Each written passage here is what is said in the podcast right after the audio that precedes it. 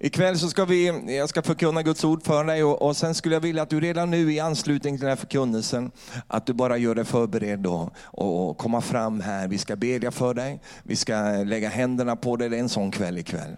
Halleluja, Jesus är här ikväll. Jag sa Jesus är här ikväll. Annars är det här mötet meningslöst.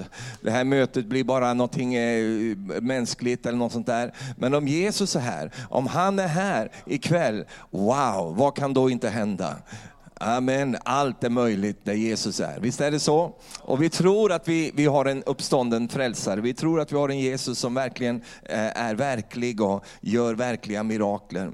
Ikväll skulle jag vilja att vi eh, tog en vandring du och jag tillsammans. Vi ska gå ut i Golgata ikväll. Och jag har varit där många gånger. Eh, jag har varit där rent fysiskt också, men jag har varit där i min tanke många gånger. Därför att jag förstår någonstans att där vid den där platsen så sker det som eh, förändrar en hel värld. Det som händer där, det måste jag veta någonting om. Därför att om jag inte vet det, eh, någonting om det som händer vid Golgata, eh, då får jag svårt att förstå allt annat som jag sen läser i, i Bibeln. Jag, jag, får inte tag på det. Så jag måste förstå någonting om det som händer ute vid korset. Om jag inte förstår det så är jag fattig. Och därför så vill jag dröja kvar vid korset. Jag vill dröja kvar och jag vill se det jag ser där. Och jag vill att jag ska få tag på det som sker där ute vid Golgata. Du har hört många berättelser om, om, om, korset. Igår predikade jag om korset, men idag vill jag att vi ska komma på ett personligt sätt. Att det, att det här skulle på något sätt få, få nå fram till dig. Jag vet att eh, de flesta av er, jag känner igen er och vi har mötts många gånger förut. Jag vet att du kan din bibel. Jag vet att du, du är bekant med de här skrifterna, skriftorden som vi ska läsa. Jag vet att du har en erfarenhet av det i ditt liv. Men jag känner så här för min egen del, att det inte bara runt påsken, utan runt varje dag så, så behöver jag ha en fräsch beröring från det som eh, Jesus gjorde för mig vid Golgata. Kan du säga amen till det? Jag tänker på en berättelse som jag hörde för länge sedan, som, som verkligen eh, tog tag i mig. Det var två killar som var ute och, och eh, åkte runt i Europa. Eh, och de eh, skulle liksom besöka alla stora städer och sånt där i Europa. Och de kom till någon stor stad i Europa eh, och sen skulle de då, eh, på något sätt så kom de ifrån varandra och sen så bestämde de att vi, vi, vi, vi strålar runt lite grann i stan här och sen möts vi vid den där stora katedralen här som är känd i den här staden staden. Jag kommer inte ihåg vilken stad det var. Men det var en stor katedral där. Och så sa de, vi möts där då. Och sen kommer de till katedralen där och, och det är en jättestor kyrka. Eh, med massa sidogångar och massa sidosprång och massa olika sådär. Va? Så den här killen där som, som då eh, ska möta sin kompis, han blir frustrerad för han hittar inte kompisen. Så då skickar han ett, en sms till honom. Var är du någonstans? Ja, jag är i kyrkan här. Ja, men var är du någonstans? Jag är vid korset. Och så får han ett svar. Vi möts vid korset. Det ska vi göra ikväll. Vi ska mötas vid korset. Låt oss gå till Lukas kapitel 23, så har vi ett underbart, eh, härligt och eh, gripande drama här som vi ska tala om här ikväll. I, i vers 32. Och nu är vi framme vid, vid den där tiden då, då Jesus ska korsfästas. Och det står så här i vers 32. Två andra brottslingar fördes också ut för att avrättas tillsammans med honom. Och när de kom till den plats som kallas huvudskallen, alltså Golgata, så korsfäste de honom och brottslingarna där. Den ene på hans högra sida och den andra på hans vänstra. Men Jesus sa, förlåt dem fader, ty de vet inte vad de gör. Och de delade hans kläder mellan sig och kastade lott om dem. Och i början på vers 35. Och folket stod där och såg på. Folket stod där och såg på. Det var ingen som ingrep. Folket var som paralyserade. De stod där och såg på. Vad är det de ser där? Det är det, det, är det vi ska se ikväll. Eh, och eh, det som sker här då, det är att några medlemmar i Stora rådet hånar honom och säger, andra har du ju hjälpt. Nu får han ju hjälpa sig själv, om han är Guds Messias, den utvalde. Och I vers 39 så läser vi en av brottslingarna som var upphängda där, då skymfade honom och sa, är inte du Messias? Hjälp då dig själv och oss. Men den andre tillrättavisade honom och sa, fruktar inte heller du Gud, du som, har, du som är under samma dom. Vår dom är ju rättvis. Vi får vad vi har förtjänat, men han har ju inte gjort något ont. Och han sa, Jesus, tänk på mig när du kommer i ditt rike. Och Jesus svarade, Amen säger jag dig, idag ska du vara med mig i paradiset. Jesus, nu tackar vi dig för ordet Herre som har liv i sig Herre. Tack för att det ger oss det vi behöver i en stund som den här. I Jesu namn. Amen. Han som hänger där i mitten, det är honom som vi ska fokusera på ikväll. Det är han som kan förvandla liv. Han hänger där och det är han som förenar oss. Det är han som är där i mitten som är fokuset där. Men det hänger två stycken till där. Eh, och man kan säga så här att en som hänger där, eh, han hänger ju där eh, på sitt sätt och den andra hänger där på sitt sätt. Och, och vi förstår att här på något sätt så är hela mänskligheten representerad. Du har ett spänningsfält mellan de här två som hänger på varsin sida om Jesus. Den ena han är förhärdad. Han, han håller ut i, sin, i sitt hjärtas hårdhet hela vägen in i evigheten. Den andra är förkrossad. Han är ödmjukad av sin egen synd och sitt eget tillkortakommande. Och han inser någonstans, jag behöver hjälp. Jag klarar inte det här. Jag är inte redo att möta evigheten. Jag tittar upp till han som hänger här vid sidan om mig och jag frågar en fråga. Skulle du kunna tänka på mig när du kommer i ditt rike? En tanke, det var det han bad om. Och Jesus vänder sig om och ger honom en plats. Ser du hur nära, hur lätt och hur, hur otroligt enkelt Jesus gör det för honom? Här kallar ju man, man kallar just det här för den här nåden som vi kallar för rövarnåd. Va? Den här mannen han hade ingenting att, att, att, liksom erbjuda Jesus. Han hade inte gått någon alfakurs. Han, var inte liksom, eh, han hade ingen liksom kunskap om det här med kristendomen. Han visste ingenting om det. Han var inte döpt. Han, han hade ingenting av det. Och så vänder han sig till Jesus. Skulle du kunna tänka på mig Jesus när du kommer i ditt rike? Och Jesus bara ger honom biljetten på en gång. Idag ska du vara med mig i paradiset. Nu känner jag att det är halleluja moment här. Amen. Den där rövarnåden, den, den rövarnåden, därför att den behöver du också din rövare. Varenda en av oss känner nog igen någonstans att när vi är där i det klämda läget, när vi är där och vi känner liksom att våra resurser är borta och, och det har blivit som det har blivit och, och, och så vidare. När det är där, precis som, som Anders talade om här förut, det är ju en sak när allting går bra, va? när allting verkar fint i livet och så vidare. Men när jag får beskedet att jag har fått cancer, då blir bibelordet, då blir sammanhanget i Guds ord otroligt viktigt för mig. Och det var så det var för den här mannen som hängde där. Han insåg, jag har inte vad som behövs för att komma vidare med mitt liv. Jag har inte vad som behövs för det som, som väntar mig där, när jag släcker mina ögon och, och för sista gången. Jag har inte det som krävs. Han var ödmjukad. Han har kommit till insikt. Och när man har kommit till insikt då är frälsningen väldigt nära en människa. Det räcker med att du skickar en tanke upp till Jesus och säger, Jesus skulle du kunna tänka på mig? Kan jag finnas med i, i, i det som du gör här? Finns jag där i ditt hjärta Jesus? Och då säger Jesus, du är med på en gång. Halleluja. Du behöver inte gå någon karenstid, du kommer inte in i himlen halvvägs. Du är med mig idag, du kommer in på en gång. Halleluja. Du behöver inte försöka bättra på dig själv, utan du kan lita på att det jag gör här, det räcker för dig och det täcker dig i allt vad som har med ditt liv att göra. Åh, oh, halleluja, prisat vare Herrens namn. Du vet han som hänger där, han representerar ganska många människor. Och han representerar säkert någon här ikväll som är där i sitt liv. Du är mjuk i hjärtat. Du har en tro där på insidan och du bara känner det, att det här är någonting som angår mig. Livet har hanterat dig på ett visst sätt. Du har hamnat där på en plats i ditt liv där du har slutat att lägga skulden på alla andra. Där du har slutat att säga, men det var min uppväxtfel. Du har slutat att säga, men det är på grund av henne, det är på grund av honom. Det är på grund av mitt samhälle som jag lever. Det är på grund av, nej, det, du har slutat med de grejerna. Du är inte som han som hänger på andra sidan som fortfarande försöker liksom skyva ifrån sig den problematik som han själv äger i sitt liv. Här har du spänningsfältet.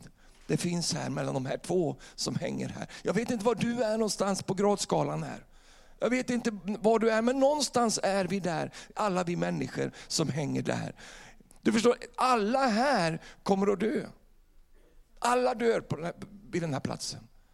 Han som hänger i mitten, han dör. Han som hänger på ena sidan, han dör. Han som hänger på andra sidan, han dör. Varför dör de här? De dör på grund av någonting som Bibeln kallar för synden. Det är därför de dör. Alla dör på grund av synden. Vänner, vi har problem som måste lösas. Och det är inte att du har liksom någon slags defekt i ditt liv eller du har liksom någon åkomma. Det, det, det, det grundläggande problemet, det är problemet som kallas för synd. Det vi egentligen inte får tala om i Sverige idag. Det är som man försöker radera ut ur det svenska liksom, eh, språket. Och inte bara det svenska, det finska också.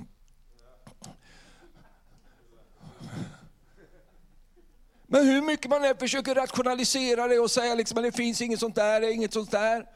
Så är det ändå någonting där inne som säger och som korresponderar och som säger, det är nog kanske inte riktigt så där bra med mig som jag försöker föreställa mig. Alla dör där och alla dör på grund av synden.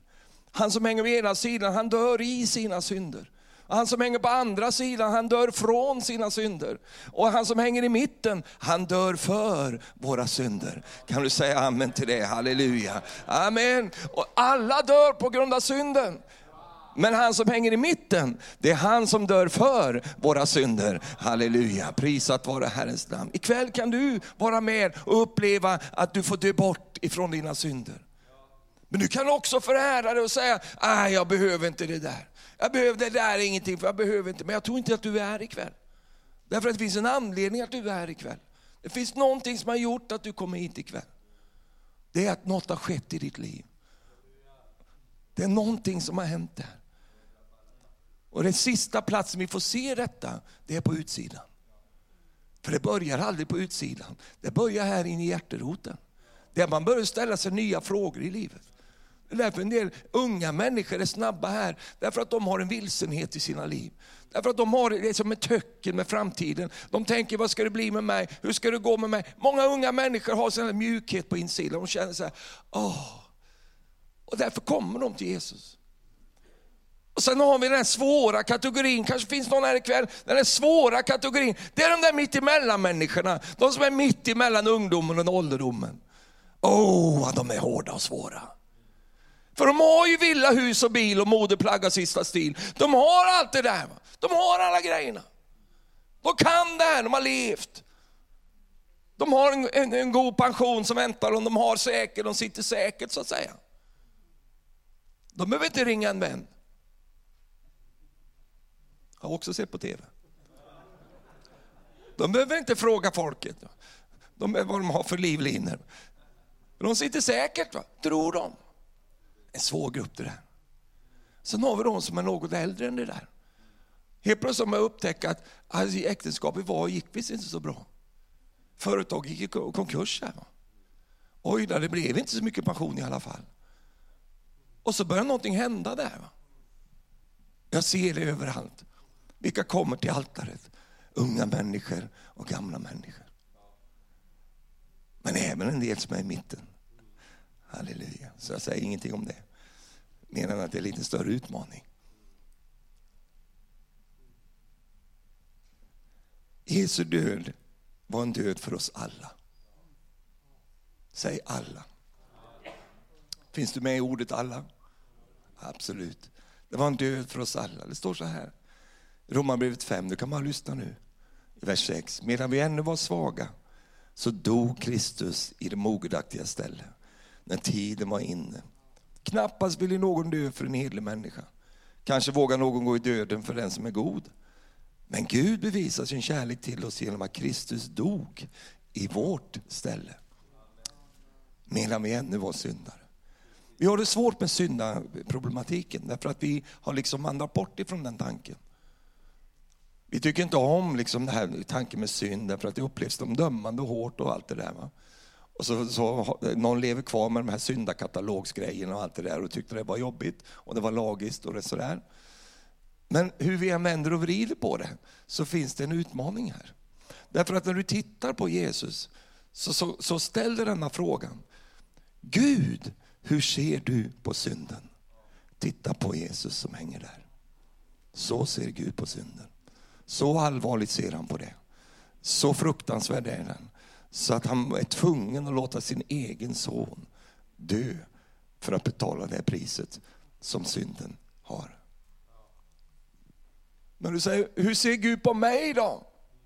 Titta på han som hänger där. Så ser Gud på dig.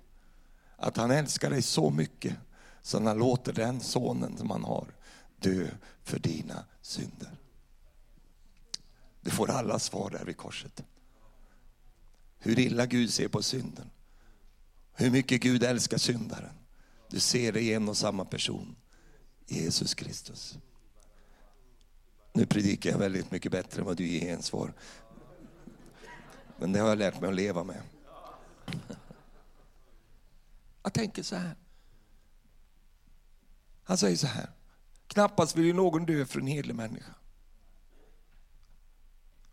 Kanske vågar någon gå i döden för den som är god. Och jag är en sån där så att jag tycker om att läsa Bibeln som, som, som den är. Va? Så jag har ju satt mig ner och funderat på det här. Stefan, vem vill du dö för? Jag tittar mig runt här. Ingen av er. Jag kommer inte gå i döden för dig. Det gör jag inte. Nej, jag gillar dig men dör gör jag inte för dig. Och det är ingen, no offense för övrigt. va. Det är inte det att du inte är snäll och fin och allt det där, men jag orkar inte dö för dig. Jag vill inte helt enkelt.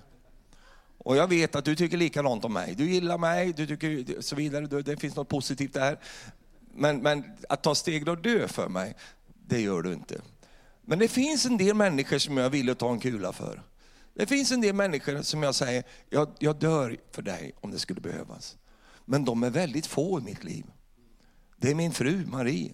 Jag har suttit nästan vid hennes dödsbädd, håller på att säga, men hon var så illa sjuk, hon fick cancer för många år sedan. Och då var hon inte långt borta från att gå ifrån mig. Och då sa jag till mig själv och till Gud alltid, det här är så orättvist. Jag tar det, jag, jag, kan ta det här. Jag kan, ska hon som aldrig varit sjuk i hela sitt liv, ska, ska ha det här och plågas med det här. Gud, jag, jag tar det hellre på mig själv. Jag kan dö för henne, därför att hon är mycket vackrare än mig och kan leva vidare. Jag ser ändå ut som jag gör, så det är ingen, ingen större fara. Det är inte så många som missar mig. Men henne, åh, det, nej Nej, alltså du har säkert varit i den där brottningskampen också, när du har haft någon nära dig och du tänker så här, jag kan ta det där eh, hellre. Och, och för att inte säga om dina barn, när du ser hur de lider ibland och hur svårt de har det och så vidare. Och då tänker du, åh, oh, jag kan ta det där, jag kan gå den där vägen. Därför att du har en sån connection mellan de här som du har nära i ditt liv. Och där kan jag också hålla med om, jag har ett antal människor som jag tänker, jag kan dö för de här. Det skulle jag faktiskt kunna göra. Och du har det likadant i ditt liv. Men det slutar ganska snart. Du kan räkna upp de här säkert på din ena hand och dess fingrar. Och du kan liksom säkert liksom landa där någonstans. Att, ja, där,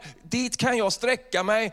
Därför att det här har sån kärlek till de här jag ser, ser på de här på ett visst sätt. Absolut är det så, men där slutar det. Men Jesus förstår du, han dog för dig och mig medans vi ännu var syndare, medans vi ännu var värdelösa. Det fanns inte mycket hopp med oss, det var ingenting att ha med oss. Vi var vrak. Och då så kliver Jesus fram och säger, jag tycker att du är värd att dö för. Jag tycker att det är värt att jag tar det här jag har och ger det över till dig. Jag tycker det faktiskt, jag är villig att gå i döden för dig. Ingen har gjort det för dig. Ingen har tagit sådan plats som han har tagit. Han är ensam om detta. Det är den Jesus vi talar talar om ikväll. Jesus som hänger i mitten, han tog ditt straff. Halleluja. Han tog dina tillkortakommanden. Han tog allt det där på sig själv. Bara för att det finns en Gud i himmelen som älskar dig utöver allting. Sådan är hans kärlek så att han är villig att göra det som han gjorde på Golgata. Kan du säga amen till detta? Jag förstår ju att du skulle tyckt det, att om jag hade dött för Marie och tagit hennes plats där, så hade du sagt, vilken kärlek du har Stefan till den här kvinnan i ditt liv. Vilken kärlek. Du skulle säkert bli varm i hjärtat. Men se på han som hänger i mitten där. Han gjorde detta för en hel mänsklighet. Han gjorde det för dem som du inte är villig att ta i med tångens. Jesus dog för hela världen. Halleluja. Kan du säga amen till detta? Inklusive han som hängde på den ena sidan om Golgata, om korset. Han, vet du, den hårde, den fräne, den fräcke. Jesu respons till det han säger, det var att han dog för honom. Vi har många människor i den här världen som vi tänker, den här personen, han är nog inte värd att satsa på. Jesus dör för alla människor. Halleluja. Jag sa halleluja.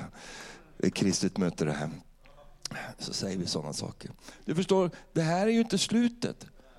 Den direkta fortsättningen på det vi ser här nu på Golgata, den direkta fortsättningen ser vi, inte några stenkast, ganska många stenkast ifrån den, den här platsen. Vi ser det hända här. Det, det direkta ska vi säga, resultatet eller eh, direkta yttre händelsen på det som sker där, det är när Jesus ger upp andan och dör, så händer någonting, kanske någon kilometer, två kilometer bort därifrån, inne i templet. Så sker någonting där, något dramatiskt dramatiskt, något som aldrig hade skett förut. Någonting som får liksom saker att bara skaka i de som jobbar där i templet. Kanske kom någon och sprang från tempelplatsen. Någon tjänare som jobbade där kommer springandes ut där till Golgata, Det är i stort sett hela Jerusalem är samlat. Och så springer han ut och säger, åh det har hänt någonting förfärligt in i templet. Åh det måste, var är ni? För alla de rådsherrarna och alla de här fariseerna, de stod ju där. De som skulle vara och sköta det där i templet. Springer de fram där och säger, ja, men vad är det som har hänt, säger fariséerna. Vad är det egentligen? Jo, du förstår att hela förlåten har brakat ner, den har ramlat ner. Va? Hur kan det hända? För det här var ingen IKEA-duk som man hängt upp där. Va? Det här var eh, stabila grejer, vet du. rejäla saker.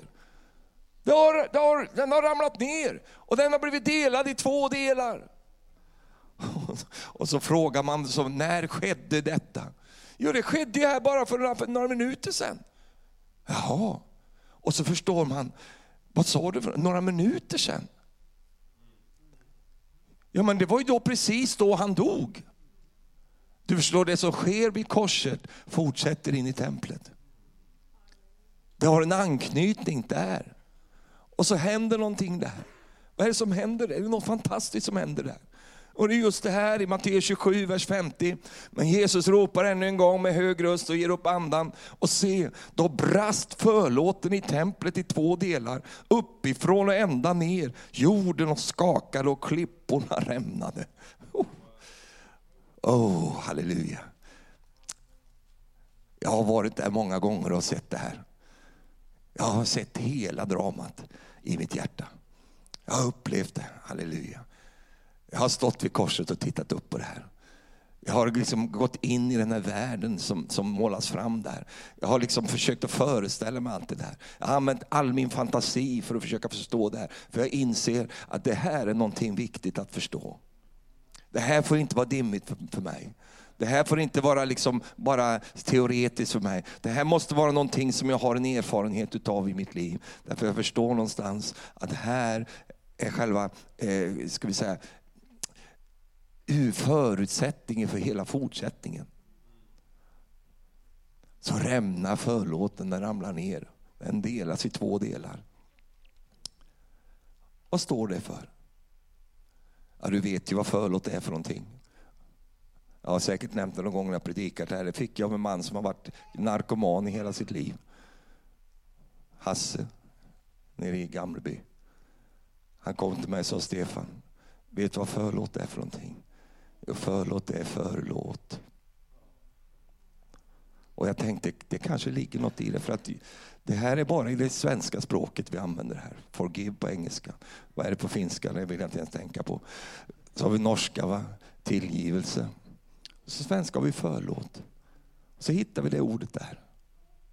Och då gick jag i svenska gamla ordböcker och tittade. Och så förstod jag ju någonstans att det har ett sammanhang.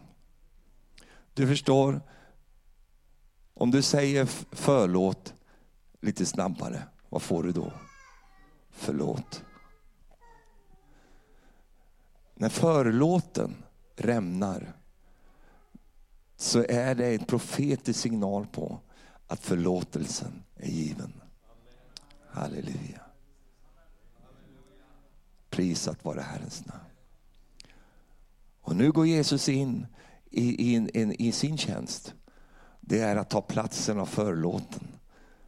Det behövs ingen förlåt i templet längre, för vi har en ny förlåt och hans namn är Jesus. Och det ger också en förklaring till varför han säger jag är dörren. Och den som går in genom mig, han ska gå in och finna bete. Halleluja. Prisat vare Gud. Det finns en förlåt min vän. Men den förlåten är inte fysisk. Den är inte i templet. Den är i en person, Jesus Kristus.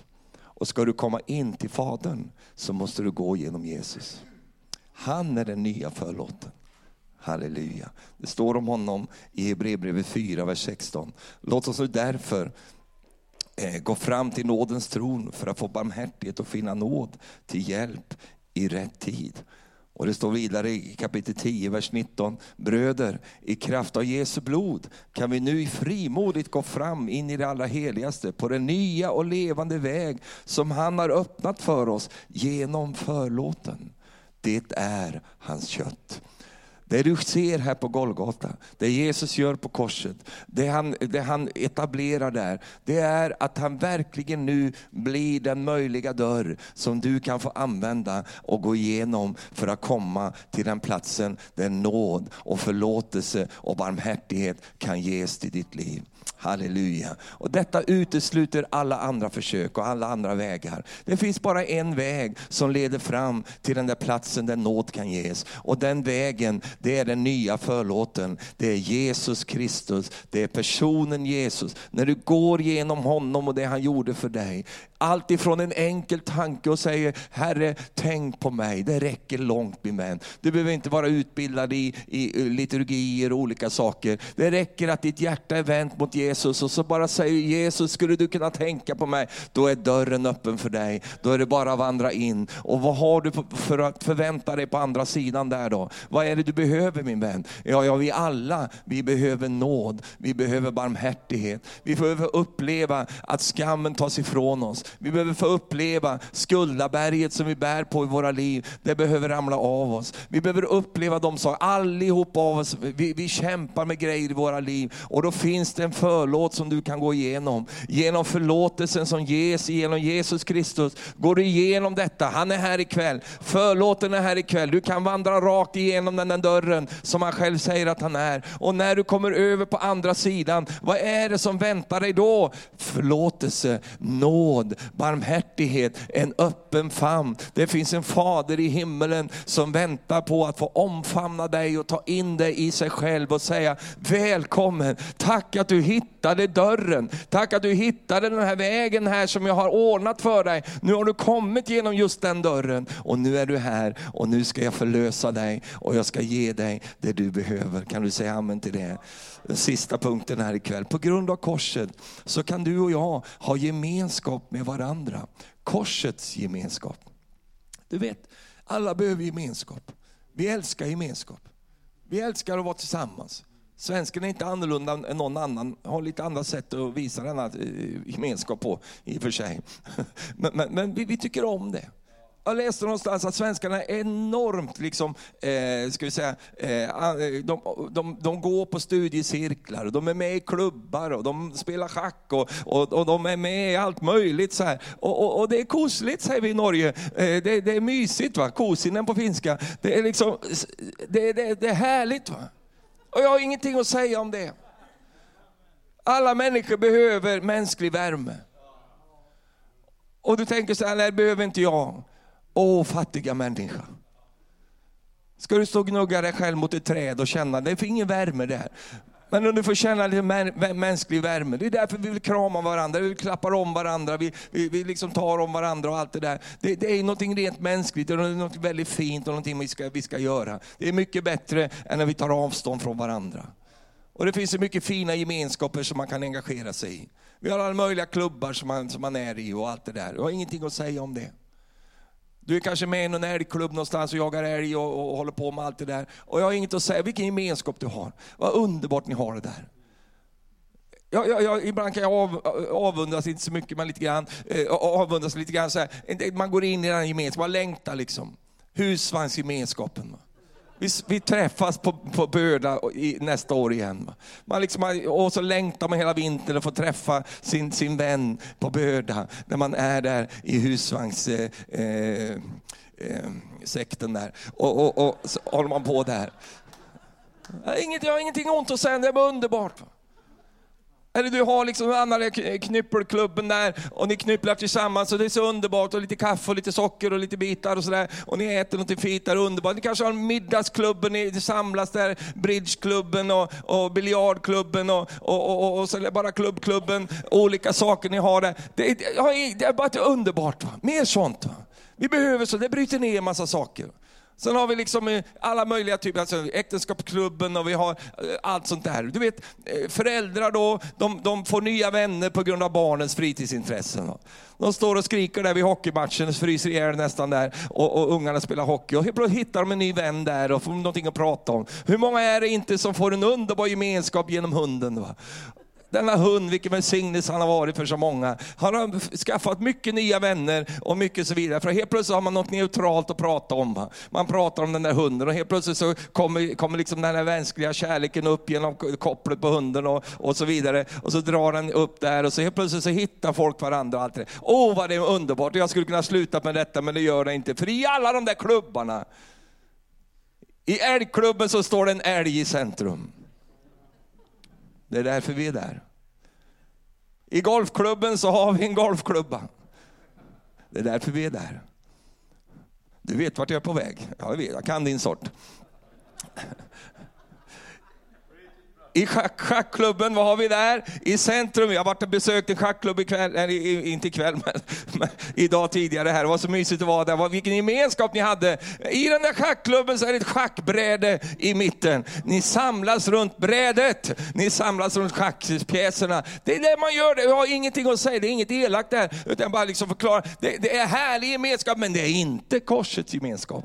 Därför att i korsets gemenskap, som är koinonian alltså, som är den här gemenskapen gemenskapen som inte är byggd på mig, som inte är byggd på vad jag kan liksom, eh, ha, som inte är byggd på att jag är trevlig, som inte är byggd på att jag är en kille och du är en kille, eller jag är en kille och du är en tjej, eller jag, jag är en eh, man i min bästa ålder och du är en man i din bästa ålder. Det är inte byggt på de sakerna. Det handlar inte med mig som en utgångspunkt, utan det handlar om honom som hänger i mitten. Han som blev korshängd för dig och mig. Där har du centrumet av vår gemenskap. Halleluja. Oh, pris Prisat vare Herrens namn. Och, amen, halleluja. Och på grund av detta så kan vi ha gemenskap med varandra. Halleluja. Halleluja. Därför att min utgångspunkt är inte du. Min utgångspunkt är Jesus. Och eftersom min utgångspunkt är Jesus så kan jag stå ut med dig.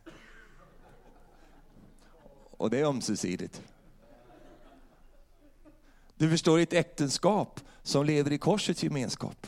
Det här är inte utgångspunkten, frun eller mannen. Utan utgångspunkten är han som hängde i mitten.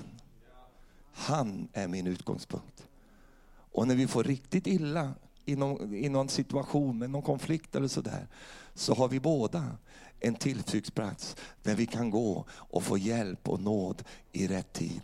Vi har en dörr i vår gemenskap. Vi har en dörr som öppnar upp ett, ett rum för oss där vi kan få uppleva nåd och barmhärtighet. Den dörren är förlåten. Den dörren är Jesus och det är han som hängde där i mitten. Halleluja. Du förstår på grund av den, att korset finns där. På grund av att vi går den vägen och att vi har korset i vår gemenskap så har vi en hel värld som kan rymmas där. Det går inte att vara rasist om man ska vandra till Golgata. Därför att Jesus dör för alla på den här jorden. Alla människor finns i hans död. Och det är därför som jag kan möta människor som inte, som inte är som mig. Som inte pratar den här fina konstiga västgötskan, vad jag har för typ av dialekt, jag vet inte ens. Jag har varit runt så mycket så nu börjar du tänka på det. Nu märkte jag det. Jaha, vad har han för dialekt? Du har inte ens tänkt på det tills nu. Jag tänkte på en gång, jag, var, jag, var, jag kommer inte ihåg var det var någonstans, om det var Indien eller om det var, ja, det spelar ingen roll. Och så, så, så mötte jag en, en, liksom en, en, grupp av människor där som de var frälsta. Va? Och, och, och de, de hade lovsång där, en fruktansvärd lovsång. Alltså, jag tyckte det var vidrigt alltså. Jag tänkte, vad sjunger ni för någonting? Ja, ja. Och de var så gripna, vet du, det var underbart. Jag var inte gripen för fem öre. Jag tyckte det var, för det var inte min typ av melodi. Va? Jag tyckte de sjöng falskt. Va? Det var liksom, sluta med det, tortera mig inte med det här. Och så tittade jag in i deras ögon och så såg jag någonting. Det här, I de där ögonen så ser jag spegelbilden av ett kors. Jag ser någonting i de där ögonen och därför så kände jag, du är min broder, du är min syster. Och jag bara ville gå fram och det gjorde jag också och kramade om någon broder där liksom, och, vi möttes där. Och så började han prata till mig och så talade han sitt, sitt språk. Där. Och jag bara känner, amen, det där var starkt alltså, det var underbart. Jag kunde inte ha sagt det bättre själv. Jag bara upplevde, det spelade, var ing, språket var ingen barriär längre. Det var inte liksom något problem det, att inte, jag fattade ingenting om han pratade, ändå fattade jag allting. Jag förstod varenda ord alltså. Därför jag kände ett hjärta som kommunicerar här, hjärta som talar till mig här nu. Jag bara kände liksom att vad han sa grundläggande, den där killen där, det var detta, du, jag ser hos dig också att det finns ett kors som blinkar till i dina ögon. Jag ser att du är märkt av samma sak som jag är märkt utav. På något sätt så förstod jag det och vi bara fann varandra där. Halleluja! Och sen skyndade jag mig ut för det var så värdelös sång där. Men, men det var ändå underbart att få mötas där med den här brodern. Efter det så tänkte jag så här, jag har aldrig träffat honom hela mitt liv. Jag kan ingenting om hans kultur. Eh, jag, vet, jag, jag tyckte inte om liksom hans andedräkt och sådana saker, för han käkar väldigt mycket vitlök säkert. Och, och sådana saker. Det är grejer att hänga upp sig på. Men, och han gjorde säkert det med mig. Men det fanns något annat som förenade oss. Och det som förenade oss, det var han som hängde i mitten. Jag har mött honom och den brodern där måste också ha mött honom, därför att vi fann varandra där. Du förstår, när du finner korset, när du får möta det som finns där vid korset, då kommer du se det i andra människor också. Hur skulle vi kunna skjuvla bort dem som Jesus har inkluderat? Det är ju fullständigt omöjligt. Halleluja. Och därför när vi går ut i Golgata, då får vi lösa våra, alla våra issues när det gäller eh, olika typer av kulturproblem och allt det där. Det löser sig vid Golgata. Kan du säga amen till det? Halleluja. Underbart. Så vi har en underbar gemenskap där om vi går korsets väg. Men om vi vandrar i ljuset, säger Johannes, liksom han är i ljuset, så har vi gemenskap med varandra. Och Jesus, hans sons blod, renar oss från all synd. Om vi säger att vi inte har någon synd, det båda kan det komma nu, eh, har synd så bedrar vi oss själva. Och sanningen finns inte i oss. Om vi bekänner våra synder så är han trofast och rättfärdig, att han förlåter oss våra synder och renar oss från all orättfärdighet. Nu ska vi praktisera det vi har talat om.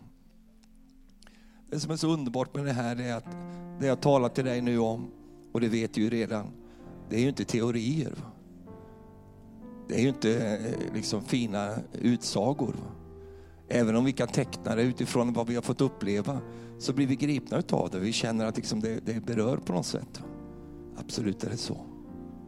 Men det är ju inte det som, som eh, är själva förvandlingen.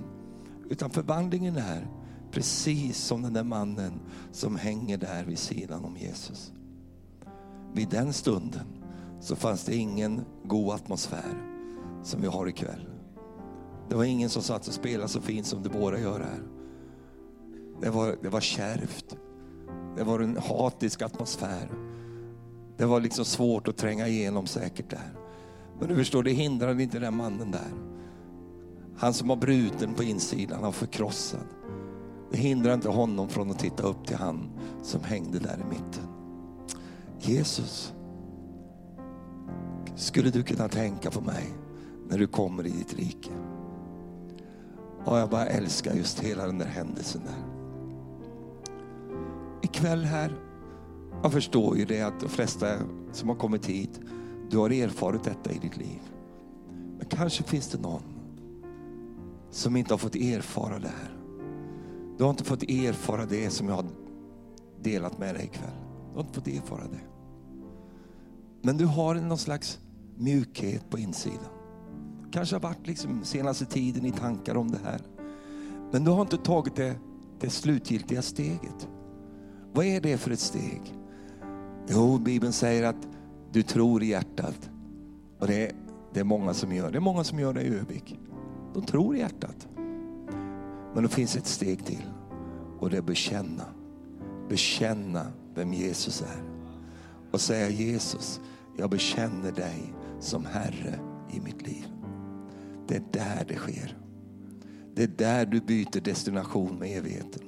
Det är där du ändrar kursriktning. Det är där din evighetsbiljett blir säkrad. I den bekännelsen. Och jag tror någonstans att det kan finnas någon här ikväll. Jag skulle vilja att vi beder Herren bara en lite kort stund. Bara be dig. Jag skulle vilja be dig, om du finns här ikväll och säger Stefan, jag tror faktiskt det här i mitt hjärta. Men jag har inte tagit steget. Jag har inte bekänt Jesus som min Herre. Du kanske inte ens har vetat att det är det man ska göra. Då vill jag ge dig en möjlighet ikväll. Jag vill inte ta för givet att, att det är klart. Liksom. Du kanske har vuxit upp i kristna sammanhang, du är van med möten och så. Men du har inte bekänt Jesus som Herre. Jag tänkte på när jag lyssnade på Anders idag. Han berättade att han fick en sån troskris. Han blev förgiftad av vad folk sa till honom på skolan han gick. Och det blev en sån kamp i hans liv. Och så kom hans vän och så säger han till honom, kan du säga Jesus? Och det var en kamp för honom där. Kamp för honom. Och till slut så kunde han få ut det där namnet. Jesus. Där förändrades allt. Där säkrades hans liv. Halleluja. Tänk vilken kraft det finns i det namnet. Tänk vilken kamp det finns att uttala det namnet. Och du kan finnas här ikväll. Halleluja. Som behöver bekänna Jesus som din Herre i ditt liv. Halleluja. Vi sluter våra ögon. Så vill jag fråga dig, du är redo nu. Det här var din stund. Det här var det du behövde göra. Du behövde ta det, det, det slutgiltiga steget. Du behövde komma till honom genom din bekännelse. Hur kopplar du hand med Jesus? Du säger Jesus, jag bekänner dig som Herre och frälsare i mitt liv. När du gör det min vän, då blir det som mannen som hängde vid den ena sidan. Då öppnas paradiset för dig. Då öppnas himlen för dig. Då är du med. Då är du säkrad. Du säger, är det så enkelt? Behöver jag inte göra någonting då? Du behöver inte göra någonting. Därför att det som sker med mannen som hänger i mitten, det är ett fullbordat verk. Han har gjort allting färdigt. Det enda du behöver göra är att ansluta dig till det. Är du här ikväll och säger, ja jag behöver göra det. Det här behöver jag göra. Lyft din hand så jag får se den bara. Bara lyft den så jag får se den. Gud välsigne dig där. Finns det någonting som säger, någonting som säger, det här behöver jag göra ikväll. Jag behöver göra det här. Finns det någon till som säger, så ska vi bedja här alldeles strax. Alldeles strax. Halleluja. Åh, tack Jesus. Du förstår, Jesus han är sådan att han ställer sig utanför hjärtedörren och knackar. Han står inte och bultar, han står inte och slår, han bryter sig inte in. Han knackar på hjärtedörren och så frågar han, vill du ta steget? Vill du ta steget? Ska du få göra det. Du kan ta ner din hand som lyfte den där förut. Ska vi alldeles strax bedja. Halleluja, tack Jesus. Jag gör det här av två skäl ikväll. Jag gör det här dels därför att det här är vad vi i församlingen behöver bli vana med. Att bjuda människor, ge dem en möjlighet att ta emot Jesus. Och det här är en väckelsekväll och jag vet ju det. Som jag sa, jag känner ju de flesta av er. Jag vet ju det att det här är något, något som, som du lever med i ditt liv. Men jag tänker framöver. Jag tänker framåt. Halleluja. Ska vi bedja tillsammans? Jag vill att du, och du som lyfter din hand, du beder också frimodigt nu. Men hela kyrkan ber. Vi ber en enkel bön. Vi säger så här. Jesus, tänk på mig. Jag behöver dig Jesus. Och just nu så ber jag dig, kom in i mitt liv. Rena mig från den synd jag har. Ta bort den Jesus Och jag bekänner dig Jesus som min Herre och min frälsare. I Jesu namn. Amen. Halleluja. Vi reser oss upp tillsammans.